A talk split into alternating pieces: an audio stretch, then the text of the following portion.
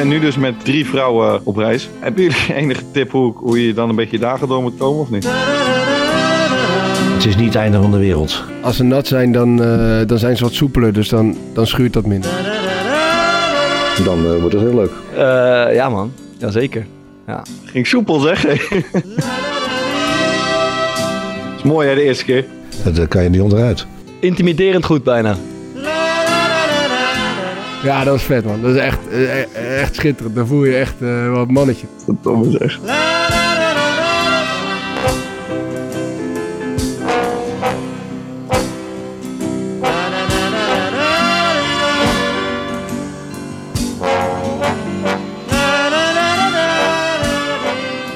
Toen Feyenoord-spits Henk Vos het in zijn hoofd haalde om witte schoenen aan te trekken in de Kuip, wist het legioen zich geen raad met zichzelf. Een streamend fluitconcert. Hoe durfde hij? Wat is dit voor ballerina? Twee wedstrijden hield Henk Vos het vol. En toen maar weer heel snel terug op die klassieke zwarte Copa Mundials. Tegenwoordig moet je daarvoor naar de krochten van het internet. Want kiksen zijn wit en blauw, goud of roze. En snel en dynamisch, gemaakt van carbon of van slangenleer. En ze heten Mercurial Superfly 8 FG Elite. Vandaag duiken we in de wereld van de wondersloffen. Ging soepel zeg. Ging goed, hè? Heel Dus, sterk. jij, was jij daar, eh, was jij, daar- jij zat in de Kuip vroeger. Was dat in jouw periode dat je daar nog... eh, Nee, ik, ik, ik haakte aan nadat Feyenoord eh, de UEFA Cup had gewonnen. Maar Henk Vos is wel... Ik heb hem wel eens eh, als een legend horen Nee, nee, nee. nee. Oké. El, El Jardinero was mijn... eh, Oké. was, ah, dit was volgens mij ook een beetje uit zijn tijd. Dat Tuinman. was toen mijn, eh was toen mijn held. Ronald Koeman was toen aanvoerder in die ploeg van Henk Vos. En die moest een open brief, in een open brief in de krant aan de supporters vragen of ze zich alsjeblieft niet zo wilden storen aan de schoenen van, van Henk Vos. Dat was in die tijd blijkbaar echt een, echt een gedoe dat je op, op witte schoenen liep. Heb jij nog meegemaakt Bart dat je in de jeugd eh, bij een profclub ook verplicht op zwarte schoenen moest? Ja man, de eerste Ik had dat ook man. Ja, ja, ja, ja, ja. En wij hebben op een gegeven moment dan gehad dat dan jongens, eh, die, die kregen een schoenencontract van, eh, weet ik, van Adidas of zo. Dus die kregen dan ineens blauwe. Dus toen is dat heel langzaam een beetje weggeëpt. Maar het was gewoon toen ik denk in de, tot en met de C of zo of B speelde, dan moest je gewoon verplicht op, op zwarte kicks. En dan was het echt eh, uit een boze om met iets anders te komen. Dat je gewoon, ja, die mocht je dan niet aan. Ja, Eigenlijk raar, hè? Ja, ik vond het ook heel raar. Maar ja, als je weet ik veel, als je dat vanaf je negende doet en je doet het vijf, zes en iedereen doet het, ja, je trekt dat niet, niet echt in twijfel. Maar in het laatste jaar liep op alles, op geel, op oranje. En dan, ja, denk je wel af en toe bij jezelf eigenlijk fucking vreemd dat zij dan voor jou beslist dat je op zwarte schoenen moet, omdat dat dan blijkbaar heel netjes is of zo. Ja, toen wilden ze gewoon echt vasthouden aan het klassieke zwarte, zwarte schoenen. Geen interessant doenerij, geen poppenkast. Gewoon oude stempel. Ik probeer hem ook nog steeds wel aan te houden. Ja, jij hebt nog steeds zwarte schoenen. Ja. Maar waarom, waarom is dat dan? Ja, ik vind dat ook gewoon mooier. Maar is het niet ook een soort, een beetje, ik denk, vermoed dat het bij jou ook een beetje afzetten is tegen de eh populair doenerij met kleurtjes en, en dingetjes. Eh, nou ja, ik voel me gewoon oprecht minder comfortabel op eh, schoenen die eh, echt felle kleuren hebben dan... eh, omdat je vindt dat het niet bij je past of zo? ja. Ja. Ja, ik vind ook bijvoorbeeld dat het niet past bij een centrale verdediger. Ja, dan heb je, bij mij, heb je aan mij verkeerd. ik heb ze alle, ik heb alle En bij, kleuren gehad. keeper ook niet, Ja, gok ik. keepertje dan? Keeper ook gewoon keeper ja, ook keepers die kunnen nog wel excentriek zijn, maar, maar, maar Ja, centrale verdedigers normaal gesproken niet. Waar jij dus blijkbaar wel. Ja, zalmroze zijn mijn laatste schoenen. Ja, nee, ja, hier komen we straks nog wel op. Maar ik heb het juist totaal tegenovergesteld. Als ik zwarte schoenen aan heb, dan voel ik me echt Ik veel ook. lomper. ik ook voel me heel lomp en eh, onhandig. En waarschijnlijk ben ik met die witte schoenen net zo lomp en onhandig, maar het voelt in ieder geval een stuk beter. Eens, eens, eens. Goed, nu weer toch eh, spreken Maart. We hebben je ook alweer een week niet gezien. Even een update uit eh, Zuid-Amerika, Midden-Amerika. Waar zit je? Ik zit in Costa Rica nu sinds een paar dagen. Kijk, shirtje Costa Rica. Oh, het was Costa Rica. Wij dachten dat het een Guatemala shirt was. Maar je hebt, eh, Nee, Costa Rica. is dat de doelstelling om in elk land een ander shirt eh, aan te trekken? Ja, leek me wel leuk eigenlijk. Om, eh, ik hou wel een beetje van die wat kleurrijke shirtjes. Dus ehm, ik dacht, ik haal er gewoon in ieder land eentje. Ja. Maar ik heb echt een fucking gruwelijke vulkaan eh, beklommen. Maar ik durf eigenlijk door Thomas en Chris Segers vergelijking... die ik nu om de havenklap in mijn DM om de oren krijg. Eh, Dat was jij Dat trouwens. was ook trouwens maar is goed. oh, was jij? Sorry. Durf ik eigenlijk niks meer te zeggen. Maar... Kom, Nee, vertel ja, even over die vulkaan. Kom, gaan wij zitten Ja, luisteren. we waren dus in, in, in Guatemala. We waren al in, de- in de stad geweest, Antigua een keer. En het hoogtepunt van Guatemala voor veel reizigers is dat je daar een vulkaan eh, beklimt, de Acatenango. We, we hadden dat de eerste keer niet gedaan, maar we hadden echt veel mensen tegen, er waren veel mensen tegengekomen die het wel hadden gedaan. En die zeiden dat het echt het hoogtepunt was. Dus nou, wij terug naar die stad, dat toch gedaan. Fucking zwaar, een beetje hoogteziekte gekregen. Het was wel oprecht het mooiste en het vetste wat ik ooit heb gedaan. Ehm, maar het enige wat me eigenlijk is bijgebleven is dat we Je gaat er met 24 uur, klim je naar 3,5 kilometer hoogte, bijna 4 zelfs. Dan ga je terug en we hadden een paar Nederlandse gasten ontmoet. En ik was met een Nederlandse jongen in gesprek. Ik denk echt dat we een half uur liepen. En hij heeft een beetje vragen, nou, wat doe je? Dus ik een beetje over die podcast verteld. Hij, oh, kop podcast, nou dat ken ik wel. Wat vrienden van me, eh, die luisteren dat. Dus hij een beetje vragen, hoe is dat zo ontstaan? En wat doe je dan? En hoeveel tijd zit erin? Nou, dus ik, eh, je weet het, ik, ik verval wel eens, net zoals nu, in een te lang verhaal. ik denk ik een, een minuut of zeven, acht daarover verteld. Kijkt hij me aan, zegt hij, slaat in die podcast jouw stem ook zo vaak over? toen heb ik net gedaan ik last kreeg van... Ja, toen heb ik net gedaan of ik last kreeg van hoogteziekte. Ben ik even gaan zitten en ik heb hem niet meer gesproken daarna. Oké. Maar en eh, was dus een intensieve hike? Ja, het was echt fucking zwaar, man. Nog een aardje ehm, gedronken? Wat zei? Nog een aardje gedronken daarna? Zo, nou, ik, had, ik ben dus begonnen met high energy en ik heb heel de nacht op isotoon geleefd. Want anders had ik het niet overleefd. Lekker man. Ja, nee, het was, ja, het was wel oprecht echt gruwelijk, man. Maar je komt zo hoog dat je... Het was een beetje bewolkt, werd het s'avonds. Maar je zit dus boven de wolken, dus je hebt super heldere sterrenhemel. Nou, ik ga niet vertellen hoeveel sterren er zijn in onze Melkweg. Weet ik overigens wel. Eh dus daar had je dan, super mooie... Ja, volgens mij 40 miljoen, ongeveer 50 miljoen. Nee, miljard zelfs. Laat me zitten. maar je, je had dan een rijtje met, eh, eh, met tentjes en je keek uit zeg maar, over, de, over een andere vulkaan, de Fuego. En die barst ongeveer ieder half uur uit. Eh, dus dan zag je echt zo'n fucking grote lava-explosie. Ehm, en ook als je... Het, het, het was min 5. Ja, dat is niet heel comfortabel slapen in de tent. Maar voor de ervaring is dat, is, is dat wel gaaf. En dan begon het een beetje te rommelen. En dan deed je snel zo het ritje van je tent open. En dan zag je vanuit je tent, terwijl je daar nog lag... eh, weer zo'n explosie zeg maar gaan. Dus dat was wel echt tof. Mooi man. Voor iedereen die eh, nog even de Polar Steps van Maarten en Lisa wil volgen. Het account is gesloten, hè, begreep ik. Ja, het is, het, is, het is zelfs voor mijn begrip uit net iets te persoonlijk. En al onze opa's en oma's zo reageren erop. Dus ik heb een eh, verwoed debat met Lisa gevoerd. Maar het slotje gaat er, eh, gaat er helaas niet af. Wel echt een regen aan verzoeken, man, na die eerste dag. Dat die zat van, wat de fuck heb je nou weer verteld? Ja, dat was Bartje Vriends dus. Mooi man. Alright. Eh, ondertussen is de ketchupfles van Thomas Verhaar geopend eh, afgelopen week. Heb je dat gevolgd? Nee, ik zag alleen eh, in een aantal groepschats waar ik met Thomas ook zit, eh, flessen ketchup voorbij komen. Ja. Dus ik Ja. ben wel benieuwd. Ik heb eigenlijk niet meegekregen hoeveel die er gemaakt heeft. Nee, ik eh, maakte er vorige week woensdag eentje. Eh, die zat er wel lekker in. En eh, gisteren speelde we tegen, tegen Spakenburg. Eh, en toen maakte ik er ook eentje. En wij, dat is wel grappig om te vertellen. Wij speelden uit bij Spakenburg. En eh, op een gegeven moment na- in de warming-up speelt er altijd zo'n positiespelletje. Ja. Hoe, wat vinden jullie daarvan? Ik hou er wel van. Ja, ik heb er nog nooit meegedaan. Eh, dus- even in het ritme van de wedstrijd komen. Ja. In plaats van een beetje lui overschieten, ook even een beetje aanzetten. Kort, Ja, ja. wat mij betreft schiet ik heel de warming-up gewoon lekker lui over. En, eh, Oké, jij wil gewoon geen energie, Maradona. jij wil geen energie verspillen. eigenlijk. Ja, een beetje warming-up doen, en, eh, maar niet te veel. Ja. Ik, ik vind zo'n eh, positiespelletje al gauw te, te intensief. En, eh, maar goed, we doen het wel altijd. Maar eh, toen kwam die teammanager van, de teammanager van AFC, die kwam, eh, die kwam naar me toe met een heel serieus gezicht. Die zei, Thomas, loop even mee. Dus ik dacht, wat gaat er nou goed? Hij zei, ja, er staan daar twee, twee gasten, eh, twee Spakenburg-fans, en die luisteren naar de Core Podcast. Dus eh, wil je even een hand geven? Dus ja, eh, zelfs daar we- in Spakenburg worden, we, worden we goed eh, beluisterd. Dus dat is wel... eh, Ja, en dat heeft jou die vleugels gegeven. Precies. Ja, Ja. belangrijk. Eh, ondertussen, wij waren uitgenodigd eh, als Core Podcast voor de première van de film van eh, Louis van Gaal afgelopen maandag. En wij handen wrijvend. En ik dacht, ah, boys, we gaan lekker met z'n allen. Maarten is er niet bij, maar we gaan lekker met z'n allen naar de première. Rode loper, Thomas Verhaar, streepje shirt aan. Ik zag het, ik zag het wel gebeuren. maar we hadden even verkeerd gelezen. We waren uitgenodigd voor de persvoorstelling om half negen 's ochtends in de Tuschinski. Ja, die hebben we even aan ons voorbij laten gaan. laten schieten. Of voor de film wilde komen recenseren, was eigenlijk het verzoek. Maar ik ga hem wel kijken. Ik ga, Ik ga hem ook kijken, ja. En wat verwacht je ervan? Eh, ik, ik las al best wel goede recensies. Dus ik, ik vind eh Louis van Gaal sowieso wel een intrigerend eh, figuur. Dus eh, ja, een, klein beetje een inkijkje. En je weet, ik hou liever van films kijken dan, eh, dan boeken lezen. Dus die boeken van hem, die heb ik nooit echt, eh, Ja. echt gelezen. Dus op deze manier eh, hoop ik weer wat nieuws te weten te komen. Mooi. Ik las zelfs dat hij wat, ehm, wat zegt over zijn seksleven. Aan de hand van, hij is natuurlijk nu ziek en dat dat daar invloed op heeft. Dus ik ben, ben ik dan toch wel benieuwd naar. Bij, eh, Louis. Dus wel een cliffhanger. Ja. gaan we toch Ja. kijken, ja. Alright. Dat, oh, het mag niet meer zeggen. Iemand heeft, het is iemand opgevallen dat ik Ja, 500 ja, keer alright zeg. Ja, ga proberen het eh, niet meer te doen. Ik denk dat het wel weer eens een keer tijd wordt voor een eh, interviewtje.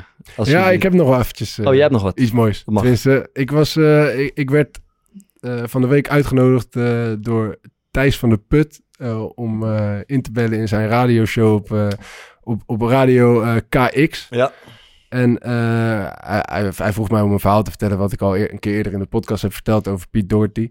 Eh, daar wil ik jullie nu even niet mee vermoeien, maar eh, de intro van dat gesprek is wel leuk, dus die wil ik wel even, even laten horen. White lies, am I really going to die? Hoorde hier op Kiks. Ik heb iemand aan de lijn hangen en dat vind ik zelf heel erg leuk. Want hij maakt als ex-profvoetballer zijnde van Sparta, Excelsior en Ajax Cape Town... samen met profvoetballer Bart Vriends en social impact maker Maarten de Fokker de Core podcast... Ja, jongen. Kom je niet meer vanaf. Eh, dus de wereld nog niet uit. Godverdomme zeg. Oké, tijd voor een interviewtje, denk ik. Ehm, het is van een paar weken geleden alweer. En, eh, dat is assistenttrainer van, eh, van ADO, Giovanni Franken. Die werd geïnterviewd door TV West en dat begon eh, nogal wonderlijk. Eh, laten, we, laten we even luisteren. Heb jij een interne struggle op dit moment? Je hebt een bepaald Goed. gevoel ook bij Ja, zeker, zeker. Mevrouw, eh, ja, mevrouw zegt dat ook tegen mij. Hè. We hebben een interne struggle. We zijn al een tijdje samen. Eh, dus ze vraagt ook aan van mij, ben je gelukkig thuis? Dat soort dingen. Dus ja, goed. Die struggle oké, maar ik bespreek dat gewoon met haar. We zijn daar heel open in. En eh, nou goed, ja, die struggles heb ik wel thuis, ja zeker. Nee, ik doe niet op je privésituatie. Oh, oh. Wat bedoel je dan op? Daar hebben we een relatietherapeut voor. Nee, Oké, ik, ik bedoel sorry. jouw interne struggle. Mijn interne Ja, struggle. je hebt een bepaald gevoel bij brood. Je hebt Ja. met hem samengewerkt. Ja, Hij gaat eruit. ja. Daar heb jij een mening over of dat terecht is of niet terecht is. En dan moet jij er in één keer staan.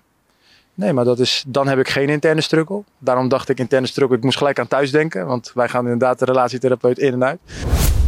Ongemakkelijk gesprek, hè? Ja, dit is een hele ongemakkelijke, heel ongemakkelijk misverstand. Laat het daarop Maar eh, de... Nee, hij doet dit nep toch, denk ja, ik. ik, weet, Ja, hij, dat kan toch bijna niet? ik weet het, die man. Jawel, ik denk dat hij gewoon geen zin heeft in die vraag over die soort van eh, loyaliteitskwestie.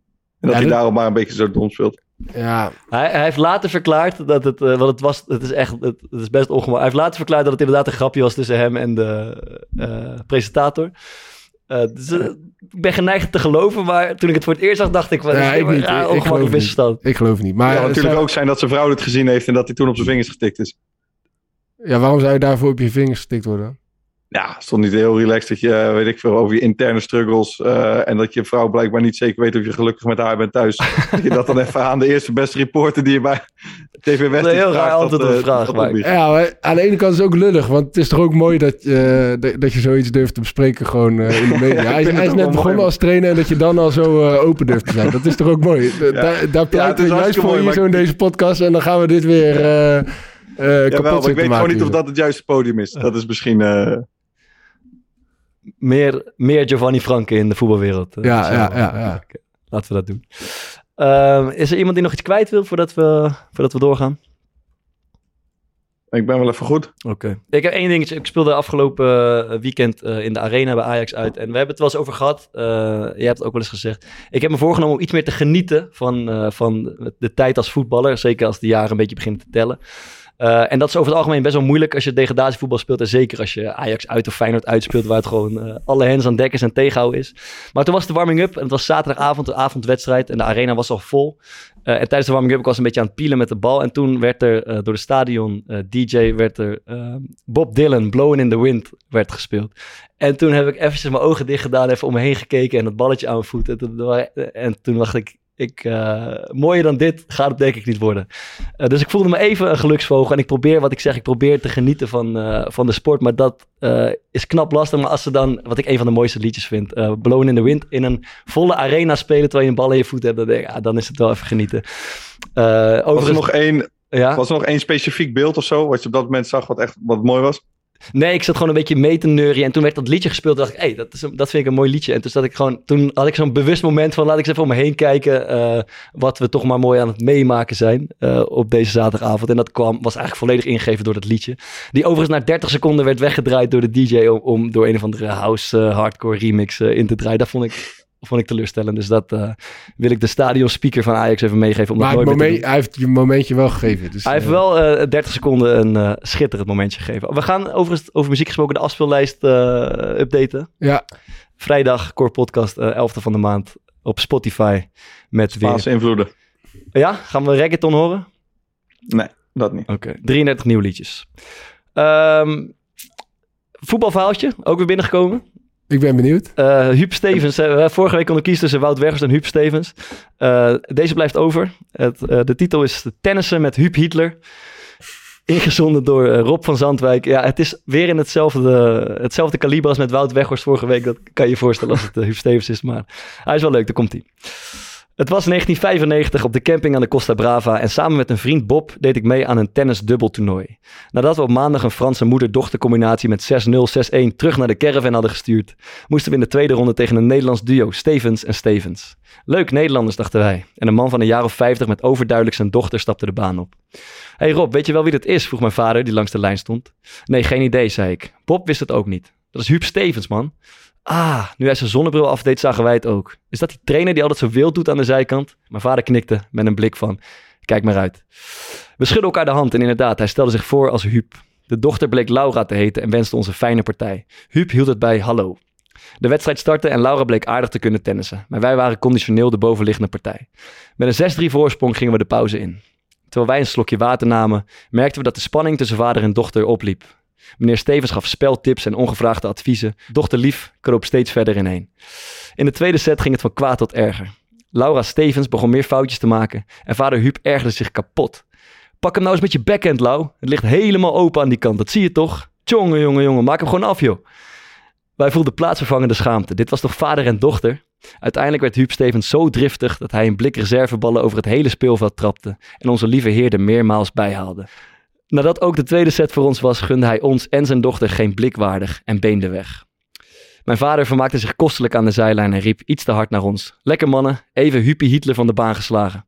Nog één keer draaide Steven zich kwaad om, klaar om te reageren, maar dochter Laura beet deze keer van zich af en sommeerde haar vader weg te gaan. Om vervolgens zelf ook af te druipen. Tot zover Huppie Hitler de tennisbaan. Wat voor aardje zou je geven, Fokkert?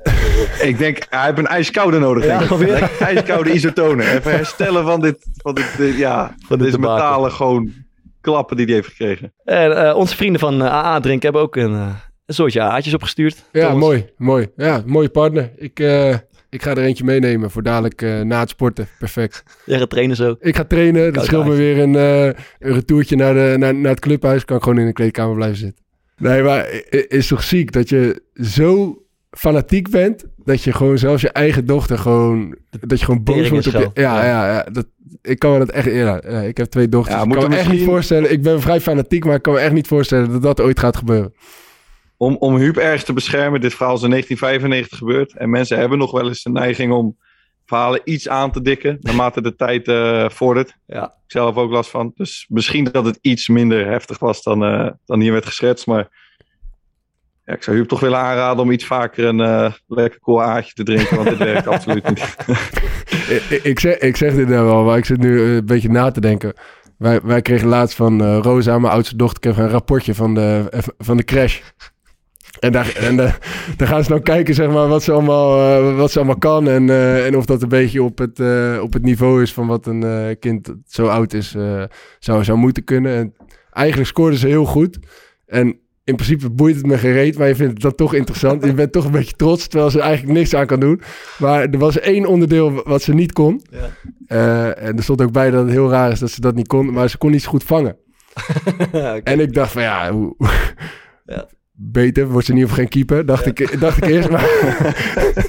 nee, maar ja, ik dacht van ja, dat zal wel, dat komt vanzelf wel. Maar toen, blijkbaar zei die, zei, zei die Leidse, die zei dat dus tegen Madelon. En die zei van ja, heel raar, ze is motorisch supergoed, alleen eh, ze kan niet vangen. Toen zei Madelon, ja, vind je het gek met zijn vader? Die iedere keer als ze de bal in de hand pakt, zegt dat is Hens. Hij moet, je moet met je voeten.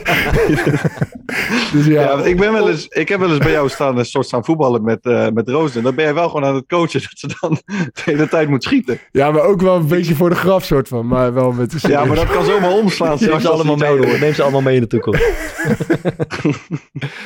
Oké, jongens. Dan gaan we het over patas hebben. Ja, mooi. mooi. Voetbalschoenen. Hebben jullie iets met eh, voetbalschoenen? Kiksen. Ik was vroeger echt voetbalschoenen verslaafd, man. Ja? Ja, vond het schitterend. Ik had dan in mijn slaapkamer, had ik in de muur met een vriend van me allemaal gaatjes geboord en van die houten stokjes ingedaan. Dan kon ik ze zo ondersteboven ophangen, had ik zo'n hele voetbalschoenenmuur. Dus Je ik vond dat eigen- echt schitterend. Je verzamelde gewoon voetbalschoenen. Ja, ik had dan van je die... hebt sowieso wel wat met eh, schoenen, toch? Je hebt fucking veel schoenen, heb ik altijd het idee. Ja, wel redelijk wat, redelijk wat. Maar ik had dan, toen kwam YouTube een beetje op. Zat bijvoorbeeld Manchester City had van die video's eh, van hun training. En dan zag je van die gasten in zo'n eh een kit room noemen ze dat volgens mij, of boot room. Eh, en daar hingen dan fucking veel voetbalschoenen. Dat vond ik dan gruwelijk eruit zien. Dus had ik zeg maar mijn eigen een beetje, een beetje nagemaakt. Mooi man. Ik kan me herinneren, wij hadden vroeger eh, vrienden van mijn ouders eh, bij ons thuis eten. En ik zat, ik was tien of zo, ik zat achter de computer. En toen kwam iemand even meekijken en die schoot in de lach. eh, en dat- omdat hij de achtergrond van mijn, van mijn beeldscherm zag. En ik had niet een lekker wijf op mijn scherm of een voetballer, maar ik had een paar voetbalschoenen als achtergrond Welke? van mijn computer. Gewoon Nike Vapors of zo. Jij hebt altijd op Nike gespeeld. Ja, ik, eh, ik, vroeger zat ik bij Utrecht. Die, die hadden Puma als sponsor. Die hebben twee jaar of drie jaar hebben die Puma King schoenen gegeven. Die zwart. Die waren echt slecht, hè? Heel slecht. Dat wilde hadden wij bij. Feyenoord ook. die Daar, flap. daar kon je al niet meer winnen. Dat was niet normaal. Als het dan regende, dan werden die schoenen denk ik bijna een halve kilo. Ja, klopt. En tot zover eh, Ja. onze aspiraties om Puma Ja, ooit hoofdsponsor van de Ja. podcast te maken. Misschien dat ze het nu beter zijn, maar toen was dat echt bizar slecht. man. Wat is de eerste eh, echte droomschoen eh, die jullie kregen? Eh, mijn, mijn eerste echte mooie schoenen die ik kreeg was bij het voetbalde ik nog bij Alexandria 66. Toen Mhm. kreeg ik eh, eh, Adidasjes met het Feyenoord logo erop. Ja, Die Feyenoord Adidasjes. ik heb die ook gehad. Geweldig, broer Ja, ja. Echt, Ik had daar was ik zo trots 90's. op. Van die, met die, eh, kan je die nog herinneren met, zo dat, met dat bolletje aan de binnenkant met die 90's erin? De eerste eh, beetje Nike's, 90's ja. Royce en Drenthe speelde ook altijd op, herinner ik me. Ja, je had dan zo'n rode en zo'n zilver variant. En ik wilde heel graag de rode, maar die was uitverkocht. Toen heb ik de neppe zilveren gekregen. Maar daar was ik wel echt heel blij mee. Ja, ja. Wij kregen bij, dat had jij natuurlijk ook bij eh, de KNVB, of Nederlands zelf onder 15 of zo. Was de eerste lichting dat je Nike schoenen kreeg. Eh dat waren die Nike Champo's in mijn tijd. Dat, nou, dat, was, dat waren, waren mijn eerste, dat was mijn eerste aanraking met eh, Nike eigenlijk. En daarna nooit meer... eh, Daarna heb ik nooit meer wat anders gedragen, nee. Ja. Nee, hoewel ik wel vroeger, dat- wat ik wel heel mooi vond, is eh, Zidane en, en, en Beckham en ook Van Hooydonk volgens mij, die hadden die Predators Ja, met, die, met die vaste die hak of zo. Ja. Die rode, Ja. eh, dat vond ik wel eh, heel vet om te zien. Die had Ja. ik eigenlijk ook willen hebben. Ja, met die, met die drie strepen, zeg drie maar, die, van- aan die helemaal aan de binnenkant kwamen ook. Ja, en, en die ja, ja, die. En dan die verstevigde hak. en dan was het idee, er waren ook altijd gasten die heel goed konden trappen. Die, die, die, die schoenen waren voor hun gemaakt. Van Hooydonk had ze ook Ja, Van Hooydonk had ze ook, ja. Vond ik ook mooi eruit zien, die schoenen. Ja, ja, die waren geweldig. En de beste schoen die je zelf ooit hebt gehad, als je voor de rest van je leven op één bepaalde schoen eh, eh, mocht spelen, want veel, veel schoenen zijn ook niet meer te krijgen en wat dan ook. Welke zou dat dan zijn? Ja, ik- Adi Pure, 11. oh ja, Ik zal wel even die eh, leren. foto's sturen. Hè? Die leren waren dat toch, of niet? Ja, man. En die werden. Dat was de eerste, dat was de eerste schoen waarmee ik over de middenlijn kon trappen. Dus daar, heb ik, daar, daar heb ik zo'n goed gevoel aan overgehouden. En die waren dan. ehm, die kocht ik dan in de uitverkoop. Want op de een of andere manier. Die, dat geluk heb ik. Want ik heb altijd een beetje op die lijn. Ben ik blijven spelen. Ehm, en. Die verkocht op de een of andere manier nooit helemaal uit. Dus dan kon je altijd die oudere modellen in de, in de sale kopen goed. Maar toen mochten er bij Feyenoord dus geen gekleurde schoenen. Dus dan kocht ik die witte. En dan had je bij de schoenenmaker, kon je voor 5 of 6 euro zo'n potje verf kopen. En dan kon je die schoenen zwart verven. Mhm. Ehm, maar dat waren echt, die vond ik zo fucking, dat waren een beetje dik leer was het. Eh, die waren fucking relaxed man. Jij? Ja, ik, ik heb er twee. Ja. Toen ik eh 17 was of zo, toen ging ik op die F50 spelen. Ja. Die, die witte F50's met dat blauwe driehoekje, die Robben toen had. Ja, Arjen Rob heeft die ook gehad. Ah, ja. die vond ik zo geweldig. Ja. Daar- Ik associeer die ook meteen met Arjen Rob. ja, ja, ja, ik dacht dat ik kon dribbelen Ja, zoals ja. hem en zo. Dat was echt, eh, echt top. En, en in mijn kampioensjaar, die schoenen heb ik ook bewaard. Eh, ja, daar heb ik gewoon zelf hele speciale herinneringen aan. En, en daar raakte ik gewoon eigenlijk alles goed op Ja. eh, in mijn enige seizoen in het betaalde voetbal. dus, dus, en, en die schoenen heb ik daarna nooit meer gevonden. Dat waren volgens mij eh, Adidas X eh, Ja. eh, en, en, en dan nog iets. Maar eh, die- ik, ik- ik zoek die schoenen nog wel eens Ja. op, zeg maar, eh, om te kijken of ik ze nog Ja, ergens kan kopen. Maar nee, het lukt gewoon niet. Ik heb, het, ik heb hetzelfde met, ik speel nog steeds op een Nike Magista. eh wit, inmiddels zijn ze helemaal versleten en grijs. En die noppen zijn denk ik gehalveerd. Maar het zijn de, de lekkerste, het liefst train ik elke dag op die schoenen. Maar zit dat in je hoofd of ligt dat echt aan de schoen? Eh, ik denk dat het voor een deel ook in je hoofd zit. Maar ze zitten wel als gegoten. Maar die zijn ook nergens meer te krijgen. Dus ik zit ook het af en toe op eBay te kijken. Of weet ik veel of ik ze nog ergens kan krijgen. Maar dat is niet te doen. Misschien kunnen we... Wat, hoe heet die van jou? Ja, ik, ik ga denk ik een fotootje posten. Want, want ik wil ze ook precies in die kleur hebben. Want En ik heb ze ook in het oranje gehad. En, en dan gingen we minder. Dus ze moeten wel precies in die kleur. Dus zit Oké. volledig in Nee, maar bij mij. ik ben wel eens benaderd door zo'n... Je hebt een aantal van die gasten op Instagram die van die oude schoenen eh, verzamelen en dan weer ver- eh, verkopen. Ja. En die vinden dat ook wel chill om dat met profs doen, want dan krijgen ze een beetje, eh, Ja, ja. eh, hoe zeg je dat? Ja, bekendbaarheid. Dus die, en op de een of andere manier zijn die, ehm, ik zie dan wel eens dat zij iets posten van, oké, ik zoek die en die schoen. En dan ga je zelf zoeken op internet, is die nergens. En dan hebben ze bijvoorbeeld een maand later hebben ze een hele doos vol. Dus dat moet best wel te doen zijn eigenlijk. Oké. Ja. Ja, het zou mooi zijn. Dat is een mooie, eh, dat is een mooie zoektocht. En ik heb nu weer echt lekkere Predators heb ik nu. Die, de nieuwe Predators zijn echt, eh, die zijn echt top. Jij hebt ook nog een, op Copa Mundial gespeeld ooit, toch? Ja, bij, eh, bij VOC Oh, eh, heb ik eh, altijd op Copa Mundials gespeeld. En, en daarna in het begin bij, bij Sparta ook nog, nog eventjes.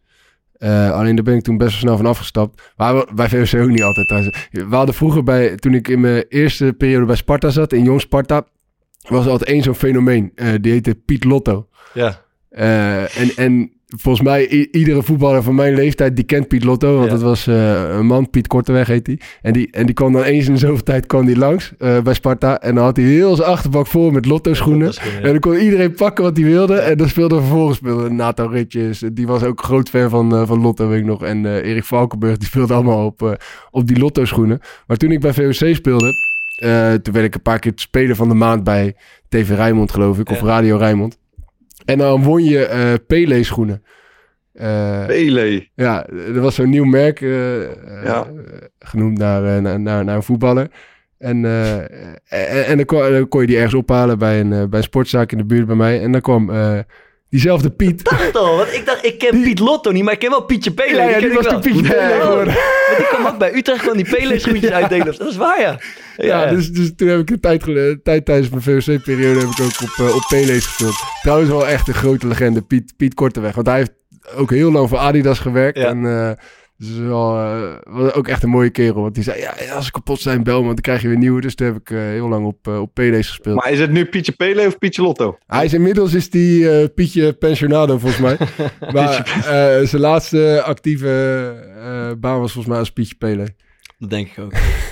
Eh, je hebt toch die, die typische, die Copa Mundial schoen, een soort van klassieke Adidas schoen, zwart met drie strepen, waar ik denk waar Frans Beckenbauer al speelde. Eh, maar er zijn altijd een, een paar spelers eh, in het betaald voetbal die er altijd aan hebben vastgehouden. Eh Michel Breuer is daar één van. Ik kan Ja. er nog meer bedenken, want het is een hele klassieke schoen waar, waar, waar ook de hele typische spelers altijd op spelen. Maar ik kwam eigenlijk niet verder dan Michel. Ik heb het idee dat die Elmo Liefdink er nog wel eens op speelt. Ja, klopt. Is dat zo? Ja, die speelt volgens mij Ja. op die World Cups. eh, Ja, die bedoel ik. Ja, Ja, World- ja. Maar dat is ook bizar, die World Cups. Want je hebt tegenwoordig, als je, je hebt eh, verschillende pinnen. Eh, maar nu heb je gewoon van die mixies. Dus dan heb je tien noppen waarvan er zes pinnen zijn die niet heel lang zijn. Maar bij die World Cups, dan heb je gewoon zes van die, dat zijn een soort pijnpunten in je voet. Hele Van lange. die fucking lange eh, Ja. noppen. Ja, dat, is, dat kan toch niet meer lekker zitten, zou je zeggen. Ja, ja, klopt. Ik heb altijd het idee dat die spelers een beetje demonstratief op die spelen, op die, eh, wat ik net eigenlijk tegen Thomas zei, op die schoenen blijven spelen om maar niet mee te gaan in die gecommercialiseerde voetbalwereld met die gekleurde schoentjes en die rare trucjes en die dingetjes. Wat kost een eh paardje Copa Mundials nu eigenlijk? Nee, maar ik vraag me af, want, want eigenlijk is dat het enige model, zeg maar, wat altijd blijft en altijd hetzelfde blijft. Ja, het heeft een cult, het heeft een status. Nee, maar als jij, als jij nu bijvoorbeeld nog die eh Magistas kon kopen, Ja. die, eh, die je nu hebt, Ja. dan, dan- dan, zou je die ook iedere Ja. keer weer opnieuw kopen. Ja, dan zou je ja. daar niet zomaar vanaf stappen. En Nee. ieder, eh, eigenlijk ieder model Mhm. bij elk merk verandert om de havenklap, behalve eh, World Cups en, eh, en, en Copa Mundials. Ja, dan moet er Dus- toch iets heel speciaals in die Copa's zitten. Ja, ik vind ze wel vet, man. Ja, maar het kan wel. Michel is ook wel echt een gewoonte die toch? Dus misschien heeft het ook wel gewoon daarmee te maken. Ja, dat klopt. Dat klopt. Eh, jij, jij vertelde, Maarten, dat er in de, in de jeugd een soort van eh, correlatie is tussen gasten met hele dure schoenen. eh, en, en ja, het niveau wat wat ze halen. Klopt dat? klopt dat? Ja, dat is iets wat ik mezelf wijsgemaakt. Maar ik had het idee dat er... dat was zowel bij mijn amateurclub al. En bij Feyenoord heb ik het ook wel gezien dat... dat ik dat sommige ouders probeerden de kwaliteiten van hun zoon te compenseren met hele fonkelnieuwe schoenen om de maand. Ik, ik moest er even aan denken, maar ik denk dat je gelijk hebt, ja. Vaak is het... Ja, Dat je dan van die gasten, die, die zagen er zo zeg maar, perfect uit met altijd de nieuwste kleding. En Ja. dan op het veld dan was er weer ineens een nieuwe schemerschermer van 60 euro. Ja. Die hadden ze dan. En dan kwamen er van die Nike-bandjes uit. En dan hadden ze die gelijk het, in alle kleuren de dag daarna. Ja, intimiderend goed bijna. Ja. maar voetballen konden ze dan meestal niet. Nee, Niet nee, zo. nee. Ja. Ja. En in welke categorie viel jij? Ehm, nou, ik, ik, ik werd niet gecompenseerd door mijn ouders met iedere keer de nieuwste. Ik, ik was meer de gast dan, eh, want ik volgde, volgde dan wel een beetje die trends van welke nieuwe schoenen er ging komen. Je had dan van die forums waar je al kon zien wat er eh, een paar maanden later uit ging komen. En dan zat ik een beetje te fantaseren met andere teamgenoten. Was, hé hey, broer, die ga ik sowieso halen man, die ga ik sowieso halen. Maar ik verdien helemaal geen geld. En ik kreeg van mijn ouders nooit dan die duurste in het begin. Ja. Dus dan was je altijd daar weer een beetje met de staart tussen je benen. Want dan kwam je met dat, ehm, met dat tussenprijsje, zeg maar. Waar je dan net even een paar streepjes minder had. Of die dan van plastic waren. Ja, dat, dat is ook mooi, hè? Dat je die verschillende prijsklassen hebt. Ja, dat je hebt, eh, ja, je hebt bij Nike weet ik in ieder geval, je hebt een soort de goedkope, die zijn dan eh, 60 euro of zo. Ja. En dan heb je zo'n middenklasse, die is dan misschien 120 of 140 euro. Je Ja. hebt ook die, de, volgens mij is dat de Elite of de Prof Pro schoen. En die zijn soms, weet ik veel, 290 euro of 300 euro of zo. Eh, maar dat ik- is toch krankzinnig? Want, Ja, want ja. toen- ik weet nog dat ik in de dates of zo speelde. En dan was de dure schoen was 120. Ja. En dan werd die Copa Mundial werd het jaar daarna eens 130. En daar werd dan een soort schande over gesproken. Ja. Maar tegenwoordig, als je er eentje van 120 hebt, dan heb je gewoon een, wat we vroeger noemen, je hebt gewoon, je hebt neppe patas. Ja. Misschien, we hebben het nog helemaal niet benoemd over eh, sponsorcontracten. Moeten profs überhaupt schoenen kopen en, en dat soort dingen. Ehm, he- hebben jullie ooit een sponsorcontract gehad of iets? Ja, ik, ik heb nooit get- eh, echt, ja, voor keepershandschoenen wel, maar voor schoenen nooit ergens getekend. Ja. Maar ik het wel, ehm, als je zeg maar, bij het Nederlands jeugdteam zat, dan kreeg je sowieso standaard schoenen van Nike als je wilde. Ja.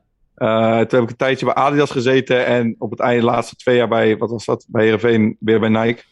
Dus ja, dat was wel, dat was wel fucking relaxed, man. En ik Ja. merk ook nu dat je, als je op dat moment, want dan, je hebt altijd jongens in je team wat hele grote talenten zijn en die krijgen echt alles. Die krijgen vanaf een 16, dan krijgen ze trainingspakken, krijgen ze normale schoenen, sneakers. Ja. ehm, En die worden ook eh, echt, denk- eh, die worden eh, geleverd in de kleedkamer. Gigantische eh, dozen met eh Ja. ze uitpakken, hè, met, eh, met, met shirts. ja, en gigantische, slippers echt en- bizarre statussymbolen zijn het Ja. ook, man. Je bent zwaar de man als dat worden gebeurt. pontificaal op het stoeltje in de kleedkamer neergezet, ja.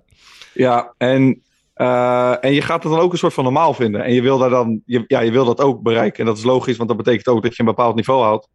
Ehm, maar ik kreeg op een gegeven moment bij Heerenveen, dat toen ik bij Jong Oranje zat, kreeg, volgens mij komt er per seizoen komt er vier keer zo'n nieuwe lijn uit. Ja, dan kreeg je twee tot vier paar schoenen per keer. Dus dan zat je soms, en je kon bijbestellen als je wilde, dan kreeg je 16 paar voetbalschoenen per jaar. Ja. Ja, dat, dat maakt natuurlijk nooit van je leven op. Maar je vindt het dan wel een soort van eh, normaal. En als er iemand anders meer krijgt, dan ben je nog een soort van verontwaardigd ook dat jij dat niet krijgt. Ja, klopt. Ja, ik had zelf... eh, Nike had zo'n... Die, die gaven gewoon iedere speler in de eredivisie... consequ- die op Nike wilde spelen, consequent Nike schoenen. Vier keer per jaar of zo. Gewoon altijd het nieuwste model. Alleen er zijn... Dus dat heb ik ook gehad. Heel mijn carrière. Eigenlijk tot een jaar of twee geleden zijn ze daar opeens... Drie geleden zijn ze daar opeens mee gestopt. Toen hebben ze dat alleen aan de... geloof aan de top drie... eh, eh, bij de top drie clubs gehouden. En de grootste talenten. Dat was een, volgens mij een beetje de reden. Ja, Dus ze hebben sindsdien- veel te grote voet geleefd, volgens Ja, mij. enorm. Want- Want- en dus in, Ja, ja, met alle respect, als je op een gegeven moment jongens zoals ik, als die, ik kon dan, na iedere keer als we met Jong Oranje weg waren geweest, voor, moet ik het goed zeggen, voor 1500 euro. ehm, netto kon je dan naar die Nike shop, kon je spullen uitzoeken. En je kreeg dan dus gewoon iets van 16 paar voetbalschoenen per jaar. Ehm, en ze gaven echt letterlijk bij Herenveen. Op een gegeven moment kregen zelfs jongens van, van de, eh, uit het belofte team. Iedereen kreeg die schoenen. Dus volgens mij hebben zij gewoon eh, zich daar echt op gekeken hoeveel ze Ja. hebben uitgegeven. Dat kan bijna Ja, niet anders. Tegenwoordig gewoon naar de winkel, hè? Zo- Ja. Ja, bij, bij- bij mij ging het anders. Ik, ik had in het eerste jaar bij Sparta gewoon, eh, kocht ik gewoon mijn schoenen nog zelf. Ja. En toen het tweede jaar, dat was een goede jaar. eh, toen kreeg ik in één keer uit het niks... eh, Kreeg ze opeens opgestuurd. eh, opgestuurd, Ja. een doosje Adidas. Toen belde mijn zaak. Mooi hè, de eerste keer. Ja, dat was vet man. Dat is echt, echt schitterend. Dan voel je echt eh, wel een mannetje. Dat je, Prof, ja. Ja. Eh, en die zei van ja, eh, ze, ze vinden dat je het goed doet. Dus eh, en ze vinden je interessant. Dus dan sturen. En toen ging je in, in Eredivisie spelen. En toen kreeg ik inderdaad iedere keer als er nieuwe kleuren waren, kreeg ik, kreeg ik nieuwe schoenen. Ja. En wat je zegt, die kan je. die oude schoenen zijn dan nog echt lang niet op. Sterker nog, die beginnen dan eigenlijk net lekker, lekker te zitten. Dus eh, mijn broertjes die speelden ook altijd op Adidas.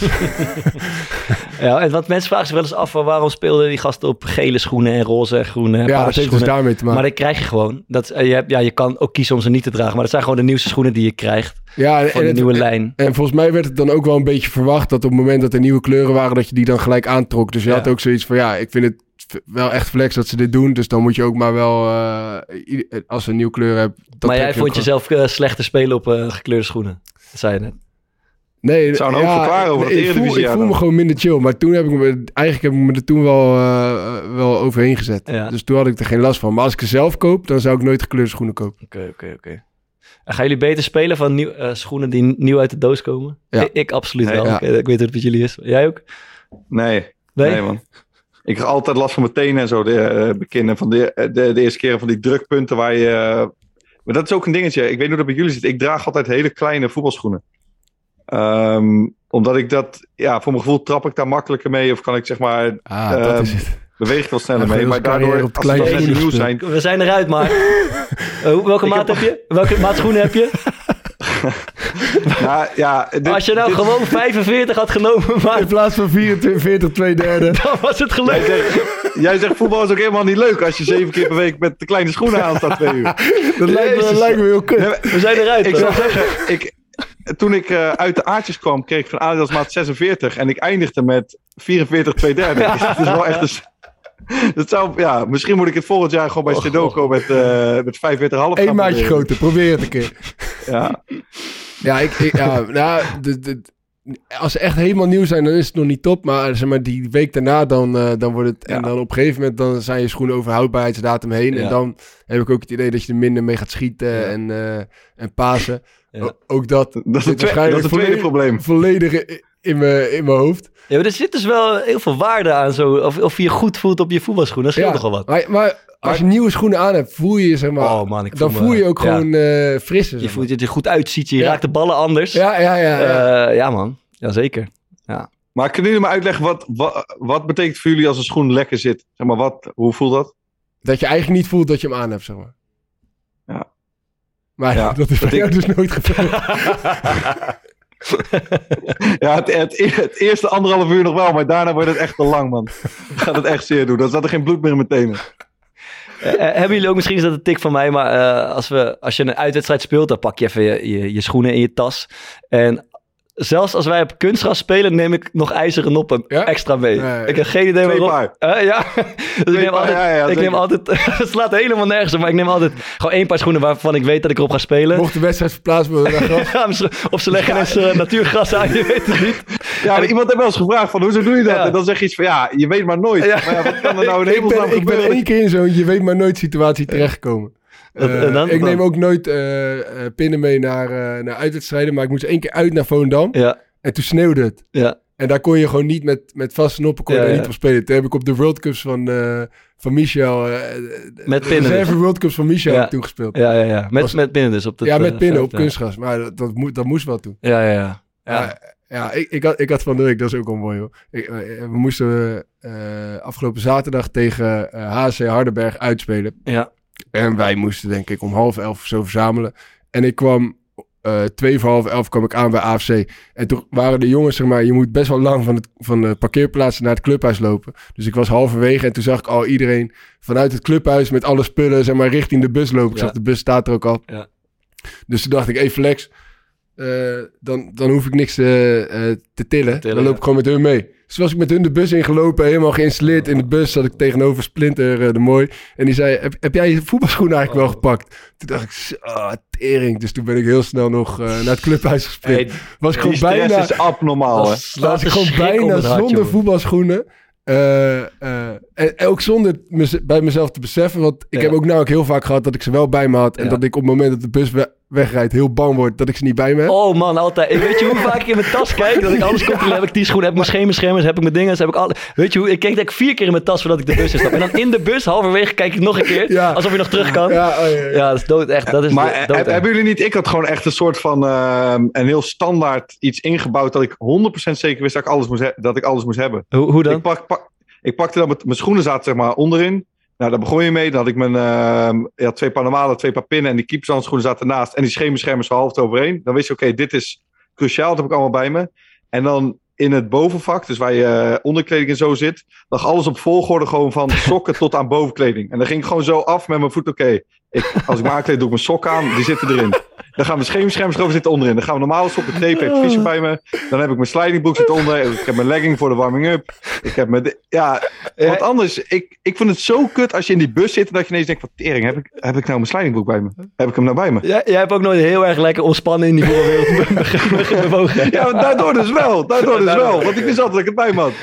Oké, wat kunnen we even misschien omschrijven wat het, het doemscenario is? is Dat je op de club aankomt en je schoenen vergeten bent of terug zijn. En dat je dan schoenen van iemand anders moet lenen om op te spelen. Wat jij hebt dus meegemaakt bij eh, Michel.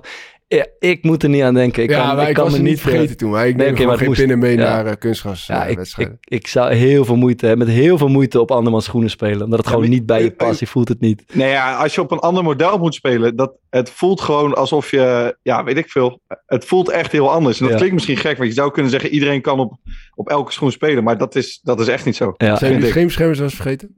Eh, ja. eh, Ik zo vaak. Va ja. Vaar Nee. speur je nog met die schemerscherms van Wouter Burger eigenlijk? Eh, eh, nee. Maar, die- die- we hadden toen op een gegeven moment, eh, ik denk dat jij dat was toch, was jij schemerscherms vergeten en dat Wouter Ja. Burger was halfjaars bij Excelsior geweest, die had ze laten liggen en die had dan van die gepersonaliseerde schemerschermers met eh God, weet ik veel, Family, God en zo die- erop. wij hebben ook een paar gasten. Die, er is ook één iemand die speelt met een, met een naakte vrouw op zijn schemerscherm. Ik, weet even, ik, ik sluit niet uit dat het Tommy Beugelsdijk is. Maar moet ik even checken voor. Anders rectificeer ik het. Maar ik denk het wel. Eh, hebben jullie ook gasten die, die nog op de oude wedstrijd die hele grote schemerschermen spelen? Bestaan die nog? Met Weet je- die, met, met die enkel... met die eh, enkele Rick Ketting. Rick Ketting, ja? Ja. Ja, met die ijshockey, met die ijshockey Oh mijn god, ja. Ik heb bij Sparta in de A1 samen met eh Sascha Visser gespeeld. Ik weet niet of je- Ja, die, eh, gast van TMF of zo. Ja, en, Ja. en oppasser, geweldig gozer. Maar die had ooit zijn scheenbeen gebroken. En die speelde met die hockeyscheemschermers. Dat is ook echt, dat zijn echt de ergste. Maar ik zweer het, hij speelde met hockeyscheemschermers. Ja, maar je wordt, je wordt echt uitgelachen toch in de kleedkamer. Ja, tuurlijk. ja, Marnix Kolder had hij ook nog hoor, die grote met die, eh, met die e- dikke enkelsokkies eronder. Ja, Ja. het gaat echt niet meer man. Ehm, Doe jij, doe jij scheemschermers aan bij oefenwedstrijden? Ja. Jij, Fok? Ja, Jij niet? maar bij trainingen niet. Bij trainingen nooit. training Niet. ook niet. Nee, training ook sowieso bij- niet. Maar Bij Mauritsijn moest het, man. eigenlijk is het toch raar als je zeg maar kijkt naar... eh, naar niemand eigenlijk doet bij, op trainingen scheemschermers aan. Sommige, sommige trainers die, eh, die verplichten het. Ja. Eh, Pastoor deed dat ook. Zeg maar, ja, klopt. da- dan, daar kon je zelf zeg maar, het begin van de training zonder schemerschermers. En dan gaf hij een seintje, moest iedereen Ja. schemerschermers omdoen. Als de partijen gingen doen. Maar als je ziet hoe weinig scheenblessures eigenlijk ontstaan bij spelers die zonder schemerschermers trainen. Ja. Ik heb nog nooit iemand ge- gezien die tijdens de training zijn scheenbeen had gebroken. Ja, ik heeft heb het, eh, nee, niet gebroken, maar ik heb al een paar maanden geleden een hele vieze tik gehad. eh, Scheen tegen scheen. maar- ja, dat, is, dat Daar kan je gewoon mee spelen. Maar als je Ja. zeg maar ziet hoe, eh, hoeveel enkelblessures bijvoorbeeld Ja. ontstaan. En dat tapen dan niet verplicht is. ja. Ja, we weten ook niet pe- per se of tapen nou echt helpt. Maar Ja. in ieder geval dat daar, dat daar nooit is voor. Dat is toch eigenlijk raar, of niet? Ja, dat is wel gek, ja. Ik bedoel, Ja, eigenlijk, eigenlijk de minst voorkomende blessure. Mhm. Die wordt verplicht om, om je daar tegen te Maar zou je beschermen. lekker de spelers zonder schemerschermers? Überhaupt ja, in, ja, in het veld? zeker. Ja, ja maar er zit ook in mijn hoofd. Maar hetzelfde als met voetbalschoenen. Maar ik, ik speel oefenwedstrijden altijd zonder scheemscherms. Ik moest laatst tegen IJsselmeervogels gingen oefenen. Toen stond ik in de, in de, in de warming-up. Of nee, na de rust we op het veld. kwam het scheidsrechtveld. Zat ik even dolletje te maken met de scheidsrechter. Zegt, hé, hey, je hebt geen scheemschermers aan. Ja. Ik zei, nee, ja, klopt, scheids, eh, oefenwedstrijd. Hij zegt, ja, je moet ze wel aandoen. Moest ik terug, moest ik terug, Ja? naar, de, moest ik terug naar de En kleedkamer. dan ben je blij dat je niet die grote ijshockey dingen nog hebt, hè? Nee, maar ik heb wel van die sokken. Ik heb wel van die sokjes, zeg maar, die om. Dus, dus ik moest Oh, alsnog ja. mijn, mijn Ah. schoenen en mijn sokken helemaal uitdoen. Maar dat voelt dan als eh, ballast of zo, zo'n schemerschermer. Ja, ik vind het gewoon niet, eh, ik vind het gewoon niet chill. Ik speel, eh, en je, je hebt ook van die, van, die, van die mensen die spelen gewoon met een kartonnetje in plaats van eh Ja, man. Ja. Ja, man, stukje ook veel. Ja. Eh, wat knipsen ze zo klein mogelijk en die, die gebruiken dat dan als scheemscherm. Ja. Ja. Dus eigenlijk is het gewoon één grote klucht, scheemschermers. J- Jij bent eigenlijk een eh De pleidooi klucht aan het houden voor-. Nee, maar serieus, waarom in hemelsnaam doen we Ik scheemschermen? voel me wel, ik voel het wel. Ik voel me gewoon wel stevig beschermd. Ik, vind- toch op, ik voel me al, ook als ik mijn ijzeren Je zegt noppen net aan dat je heb. zonder scheemschermers traint. Ja, ik train omdat ik gewoon lekker dat is toch vrij... raar dan? Ja, maar in de Ja, wedstrijd maar je komt ik toch in wedstrijden misschien wel andere duels dan in een... eh, Nee, zo- dat, zo dat denk- lijkt, dat, lijkt me, dat lijkt me ook best wel sterk. Maar je, je ik bent zou dus de training ook niet... zes dagen in de week aan het voetballen. Ja. En vijf dagen trek je geen schemerschermers aan. Gebeurt er nooit Ja, iets. oké, maar- En dan ga je tijdens de wedstrijd scheemschuis aan. Ja, maar training is ook voor 70% pasen, trappen, positiespel, rondo. Dat niet heel, kom je niet heel erg in slidings en blocks en tackles, toch? Fok, het zal nu wel weer met een paar wetenschappelijke onderzoeken komen. Of, eh, of Ja, ik zit te denken of ik er eens bij ik heb, ik heb, hij komt niet op. Ik ben wel misschien een klein beetje met verhaar in, eh, in deze. Oké, oké. Als, jullie nu, eh, als je nu zelf eh, je eigen schoenen moet kopen, dat, dat moet tegenwoordig. Let je dan op de prijs? Sale, Ja, sale? ja. sale. Ja. Bonnetjes? Ja, ik heb ook wel. Ik, weet je wat echt serieus? Dat is oprecht een goede tip, man. Je moet naar zo'n eh, bijvoorbeeld zo'n Adidas outlet gaan. In, in Roermond heb je er volgens mij eentje en in de Batavia-stad. Daar heb je ehm, ehm, die, die koppa's. Ehm, je hebt nu zo'n nieuw model. Ah, lekker slokje aan. Het ziet er goed uit. Die hebben ze hier niet. Mhm. Eh, je hebt van die nieuwe koppa's die gewoon licht zijn. Dus daar speelde ik de laatste jaren dan op. Ehm, maar die kan je dan, die zijn nieuw volgens mij 200 of 220. En die heb je dan vaak voor 60 of 70 euro daar. Gewoon het model van het jaar daarvoor. Ja, Dat is top. Dus dan haal ik vaak gewoon een begin van het seizoen bijvoorbeeld drie of vier paar daar. En dan kan je wel even vooruit. oké. We, we hadden bij eh, Eagles, dat was het eerste moment dat, dat opeens geen schoenen meer werden geleverd door Nike. Dus je moest voor het eerst schoenen gaan kopen. En iedereen zag er toch een beetje tegenop. En toen kwam een van mijn teamgenoten, het was eh, Lars Lamboy, als ik me niet vergis, kwam met het idee om je schoenen te laten sponsoren. Dus die vond een, een bevriende sponsor. En, die, eh, en wij lieten dus met een paar gasten lieten we het, zijn eh, bedrijfsnaam op die schoenen zetten, zodat we alsnog gratis schoenen kregen. Speelden we wel met een soort eh, vuilnis, vuilnisbedrijf op onze schoenen gesponsord. Maar we hebben er toch even een jaartje plezier van gehad. Lekker mooi. Heb jij verder wel eens een keer namen op je schoenen gezet? Nee, dat was het enige. Dat is het enige. En jij? Nee, Ik heb- nooit. Ja, ik heb één keer gedaan, man. Maar had ik mijn afkorting gezet, MDF. Maar dat is ook van dat, eh, zo'n soort hout, zo'n harde houtmix, toch? De hele zachte Dus ja, toen ben ik door Cor Adriaans alleen maar genakt. Heel het jaar. Als Ja. ik dan de bal verkeerd raakte, dat me, of me dan mijn schoenen van MDF waren. dus daarna heb ik het nooit, heb ik het, eh, heb ik het nooit meer gedurfd. Ik, ik, ik gooi ze een balletje op, maar ik zou het wel heel mooi vinden als er ooit iemand met Core Podcast op zijn schoen eh, gaat lopen dit seizoen. Misschien, misschien eh, schiet iemand een idee te binnen. Kennen jullie spelers met, eh, met aparte schoenen, bijzondere schoenen? Eh, de schoenen die niemand anders heeft? Volgens mij eh, heb ik ooit een keer met iemand samengespeeld die eh, op schoenen van het Decathlon speelde. Ja. Nee, ik Huismerk- dacht dat dat bij Sparta was. Huismerk Decathlon? de- hoe- ja, hoe heet dat huismerk nou van Decathlon? Eh, Kom je ook niet mee weg? Kipsta, Kipsta! ja, Kipsta. Ja, zeker. Ja, ik heb een klopt, die keer... hebben schoenen, hè? ja, die hebben dat was bij. Sparta. Weet ik niet. Dacht, ja, shit man, ik weet niet wie het is. Maar er was... ik, hey, eh, Duplan speelde daarop. Ja, ja. ja. die kwam met Kipsta schoenen. Ik kwam in Kipsta Ja. schoenen. Ja, klopt. Hoe ging dat dan? Als je niet voor Hij, het hij, eerst voetbal, aandoet. hij, hij voetbalde geen haar minder, dat moet ook gezegd Ja, worden. klopt man. Die waren vier tientjes geloof net ik. zo goed dribbelen op Kipsta's als op uh, Adidasjes. Eh, even kijken. Oh ja, je hebt ook een hele trend. Ik weet niet of- wat mensen dat weten. maar Iedereen knipt zijn eh, voetbalsokken tegenwoordig Ja, af. Dus bij de enkel. Ik, ik ben volgens mij de enige ons die dit niet doet. Ik, ik weet eigenlijk niet waarom gasten dat wel. Doen jullie dit wel? Ik heb het een tijdje gedaan toen bij Sparta. Met die, en dan speel je met die gripsokken. Dus Ja. dan heb je sokken aan waarmee je mee grip hebt in je, in je, in je, voetbalschoenen. Eh, is dat dan... eh, dat is beter? Dat is Ik zou lekker? het niet weten. dat doe je ook maar gewoon omdat het... eh, Ja, ik, ik dacht, ik ga het eens een keer proberen, Ja. weet je wel. Dan, eh, ja, misschien, eh, misschien voetbal je er wel veel, veel flexen mee. Maar Ja. ik, ik heb eigenlijk niet echt heel veel... eh, Maar het is gewoon een, een gevoelskwestie. Want ik heb dan van die Nike of Adidas sokken, gewoon van die sportsokken aan. Eh, en met trainen, train je als keeper vaak met een legging. En dan heb je gewoon die sokken eronder. En dan zit het hetzelfde met wedstrijden. En ik vind, ik vind het eerlijk gezegd ook wel gewoon mooi uitzien, man. Dat je dan zo'n witte sok eronder... Dat mag officieel niet. Dat mag Maar ik niet vind meer. dat wel vlot. Ik vind dat... Nee, maar dat lukt vaak wel. Dat doen ze niet heel moeilijk over. Nou, we hebben heel vaak gehad dat, het- dat je dan eh, drie minuten voor de aftrap... dat iedereen allemaal tape om zijn om zijn witte sokken moet gaan wikkelen... omdat het dezelfde kleur als je bovensok moet zijn. Ja, klopt. Maar maandagavond eh, doen ze daar vaak Maandagavond zo, zo kiezen door de bijster moeilijk over. Oké, ik zie wel eens in de kleedkamer, ik heb het zelf nooit gedaan, gasten die eh, liggen er weer een paar schoenen in een soort warm bad of in een, in een, in een Nee, wastafel ja, of zo. Of ijs erin zelfs. Of ijs erin. Is dat, dat is een soort, dan gaat Ja, het naar je nieuwe schoenen. toch? Dan Maar- krijg je minder snel last van blaren. Ik, ik heb het idee dat het dan naar je voet, naar je voet gaan vormen. Ja, of zo, dus dat dat, Ja, want het Ja, is dus- toch ook zo als het bijvoorbeeld als het kaart regent en je doet dan voor het eerst nieuwe schoenen aan, dat ze daarna eh, dat ze dan bijvoorbeeld na één dag eigenlijk al lekker zitten en dat Ja. je daar normaal als het droog is een week voor nodig hebt. Ja, volgens mij is het gewoon daarvoor. Volgens mij klopt dat wel. Want als je gewoon, als ze nat zijn, dan, eh, dan zijn ze wat soepeler. Dus dan, dan schuurt dat minder. Oké, oké, oké. Heb- hebben jullie wel eens gezien dat iemand met zo'n rare tang een soort van eh, zijn grote teen probeerde groter te maken in zijn schoen? Dat heb ik nooit gezien, nee. Wat? Ja, Doken Schmid. Doken Schmid had, al, die had van die champo's aan, maar die had dan, eh, volgens mij was het Doken. Ja. Ehm, en, maar zijn ene teen zat daar niet lekker in. Dan hadden ze bij Heerenveen zo'n rare tang en dan zette hij zijn schoen daarin. Dan kwam een soort van bobbeltje op die schoen terecht, zodat Ja. dan die teen daar wat in paste. Maar dat heb ik, moet ik eerlijk kennen, daar ook nooit meer gezien. Nee, van- Ja, echt. Ik, ik ga dit wel even bij, bij hem navragen. Ik ga even kijken van, eh, hij is hier fake nieuws aan het Ik wil, ik wil bewijs. Ik wil de tang zien. De tang van Doken. Hier komt Doken- wetenschappelijk Doken nog, Die dus, hij luistert, hij luistert. Doken kan het verifiëren, denk ik.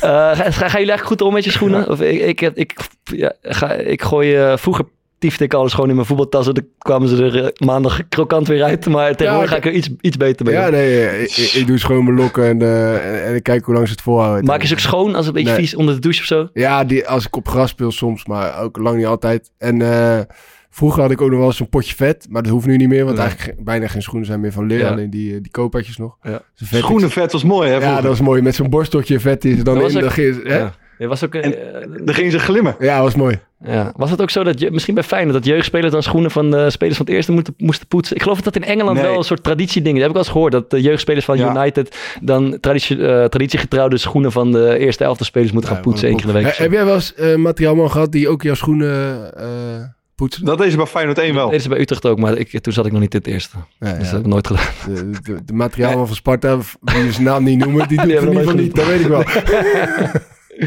Stefano Marzo had dat in al zijn eh, Nike's. Dat heb ik wel eens verteld, toch? Dat hij alles helemaal op kleur had geordend. En die speelde dan het hele... Die, die bewaarde al zijn schoenen. Eh, en die speelde dan het hele seizoen op één paar maar. Eh, en dan vroeg ik altijd van, hoezo, hoezo verander jij niet een keer? En dan zei hij, er komt de dag dat ik geen schoenen meer krijg. en dan lag ik als laatste. En hij heeft wel echt gelijk gekregen. hij gelijk, ja. Roda nu. Ja. En ik heb geen schoenen meer. Ik ook niet, ik ook niet. Dan gaan we weer naar de actiesport. Eh, even één ding, die eh fingersafe, eh, zat ik aan, bestaat dat nog? Er was er, op een gegeven moment was er bij, bij keepershandschoenen was een soort hype dat je soort van plastic ding Ja, achter je vingers moest, moest Ik doen. weet, de, de, de enige prof Ja? die ik ken die daar lang mee gespeeld is Mickey van der Hart. Die had dat altijd. Ehm, ik vond het helemaal niks van. Want je, ja, kort uitgelegd, als je een bal vangt, dan moet je vingers eigenlijk een beetje ontspannen zijn. En van die vingers gaan ze zo staan. Ja. Dus het is heel moeilijk om dan eigenlijk een bal te klemmen, vond ik. Ja. Ehm, ja, dat was volgens mij ook een beetje een hype eigenlijk. Oké. Ik, ik heb dat zelf eh, wel eens geprobeerd, maar ik vond het verschrikkelijk. Volgens mij zag ik dat bij, die, eh, bij onze vrienden van de derde helft podcast. Die Mhm. hadden laatst volgens mij iets over de grootte van handschoenen. Of daar, Ja. daar regels voor, voor, voor waren. Zoiets zag, ik- zag ik Zo voorbij mooi. komen. En ze ik- hadden ze ook een tekeningetje gemaakt van eh, een Eh, keeper. die- drommel, hè? dat hele groot, of iemand had hele grote handschoenen of zo. Dat, Ja, dat, dat je gewoon ha- handschoenen zo groot als de goal zeg maar, aan kan trekken. Gevuld met eh, lucht of zo. Hè? Misschien moeten we volgende week eens een keer bellen. Om Ja. te vragen hoe dat... eh, Dat is wel goed. hoe- Dat is een onderzoek... waarop dat is uitgelopen. dat zie ik jou wel doen bij Sudoku nou. Van die Donald Duck handschoenen. Ja, Ja, ja. dat, is, dat is wel goed hoor. Dat is, eh, Ja, je hebt toch van die clownschoenen altijd. Ja, ja. eh, Maar dat je dat dan met je handschoenen doet. Zo, dat, is- dat zal toch niet in de, in de reglementen van de FIFA zijn opgenomen, denk je? Ik denk het ook niet. Oké, ja, je, je kan, ja, kun je toch een hoop lullen over, eh, over voetbalschoenen? Ja, ja, mooi, mooi Zeggen jullie kicks eigenlijk? Patas, schoenen? eh kikkas? Balipata. Balipata? Thomas? Ik denk gewoon Voetbalschoenen. voetbalschoenen. Vlammers. Flitsers. We gaan naar de aanraders. Eh, als jullie het leuk vinden. Ja. Thomas, Ja, leuk. wat heb je gekeken? Nee, ik, eh, ik ga volgende week naar een eh, concert van de, van de White Lies. En eh, dus ik ben nu die muziek een beetje aan- het luisteren om een beetje voor te bereiden. En eh, ze, hebben, ze hebben pas geleden een nieuw album uitgebracht. eh, dus eh, ik zou het laatste album van de, van de White Lies willen, willen aanraden. Alright. Daar is die weer. Maarten. Nice. Ja, ik heb echt een, eh, een, een heel mooi boek gelezen. Dat heet Een Klein Leven. Eh, het is een gigantisch boek, dat wel. Maar wat ik mensen zou willen aanraden... Ik zie jullie wel lachen met z'n Wat is jouw probleem, man? Heb je even Nee, wat ik mensen wil We aanraden- hebben je uitgedrukt. Je begon weer over een boek. We dachten wegwezen met die gozer. Flikker op, man. Nee, je bent er nog. Maar wat je bij een serie wel eens hebt, dat je er echt helemaal in zit. En dat je dan, als je klaar bent met die serie, dat je een beetje in zo'n ja, soort gat valt. Eh, dat kan je met dit boek ook heel erg krijgen. Het gaat over vier vrienden ehm, die in New York wonen. En je volgt het leven eigenlijk van een van die gasten. Vooral die heeft de meest krankzinnige dingen meegemaakt. En het is, ja, hoe zou ik het zeggen? Eh, het is ontzettend relativerend. Het is, het is een prachtig boek. En je kan, dit is er echt eentje waar je gewoon helemaal lekker in kan raken. Dat je echt zin hebt om hem weer erbij te pakken. Ehm, en ook dat ik, ja, ik heb het idee dat ik er wat van opgestoken heb. Dus die zou ik iedereen willen aanraden. Een klein leven van, Bart, weet lastig, jij, hè? schrijf, schrijf ze nog? Ja, Janni, Janna. Een Iraanse ja, schrijfster. Janigari of zo? Zoiets, ja. Ik zou het ook niet weten. Lekker man, iets aanraden het juist niet weet. En ik vond het Ehm, jaar van Fortuin trouwens echt heel nice. Heb je hem, af, heb je hem afgekeken al? Ja, Leuk. Leuk. Eh, wij hebben thuis naar eh, Euphoria op eh, HBO Max gezien. Ik weet niet of iemand van jullie het heeft gezien. Thomas misschien. Eh, ja, dat is, ik vond het een geweldige serie. Het gaat over een, eh, een groepje high school eh, kids eigenlijk uit Amerika met uiteenlopend problemen, drugsverslaving, identiteitsproblemen. Maar het is heel origineel gemaakt en heel goed gespeeld. Ik ben een beetje verliefd geworden op Zendaya, de hoofdrolspeelster. Ja, het- soms is het ontroerend, dan is het weer grappig. Twee seizoenen en ja, ik, ik vond het echt de moeite waard om te kijken. Mooie muziek ook. Dus Euphoria, beetje een meisjesserie, maar kom je wel mee weg. Misschien ga, ik, misschien ga ik die af en toe wel kijken als ik 's ochtends wakker word hier tussen die drie wijden. Doe maar lekker, jongen. Doe maar. Liedje, White Lies vermoed ik. Nee, ik, eh, ik dacht, gaan we wel even een keertje terug naar eh, mijn ervaring op, eh op Noordse Jazz. Ik had al een keer verteld dat ik naar een concert was geweest van, eh, van Prince. Eh, ook wel bekend als uh, Tafkap. Heb je een idee waar dat voor staat? The artist formerly known as Prince. Ja, Ja. geweldig. hè? Hij heeft gewoon op een gegeven moment besloten om zichzelf zo te gaan. Ja, is, ja. Maar goed. eh, en eh, eh, sowieso een van de beste live artiesten die ik in mijn leven heb meegemaakt. Maar wat ik nooit zal vergeten was de opening van dat concert. Ik was daar met mijn vader. We moesten wel wat lang wachten totdat hij kwam. En op een gegeven moment begonnen ze te spelen. En zijn band begon te spelen. En ze speelde het nummer Foxy Lady van Jimi Hendrix. Eh, prachtig nummer. Maar ik kon Prince nergens vinden. Mhm. En toen begon het nummer en ze speelde, speelde ze, een kleine intro in. En op een gegeven moment begon iemand te zingen en was het eh, echt een prachtige vrouw. Maar dat is dus niet Prince. Mhm. Dus ik denk dat dat duurde tot halverwege. Dat, we, dat ik dacht van ja, waar sta ik nou? Ik ging naar een concert van Prince toch? En toen kwam die tijdens de gitaarsolo, kwam hij lopend, zeg maar, die gitaarsolo, eh, kwam die op. Ja. En ik vond het zo vet dat je gewoon bij je eigen concert, zeg maar, iemand anders laat openen en Ja. halverwege eh, Ja. erin komt. Dus ik wil je niet laten genieten van Prince, maar van eh, Foxy Lady van Jimi Hendrix. Ah, oké. oké, oké. Wat zeg je dan? Tabé. Tabé. Hoi, hoi.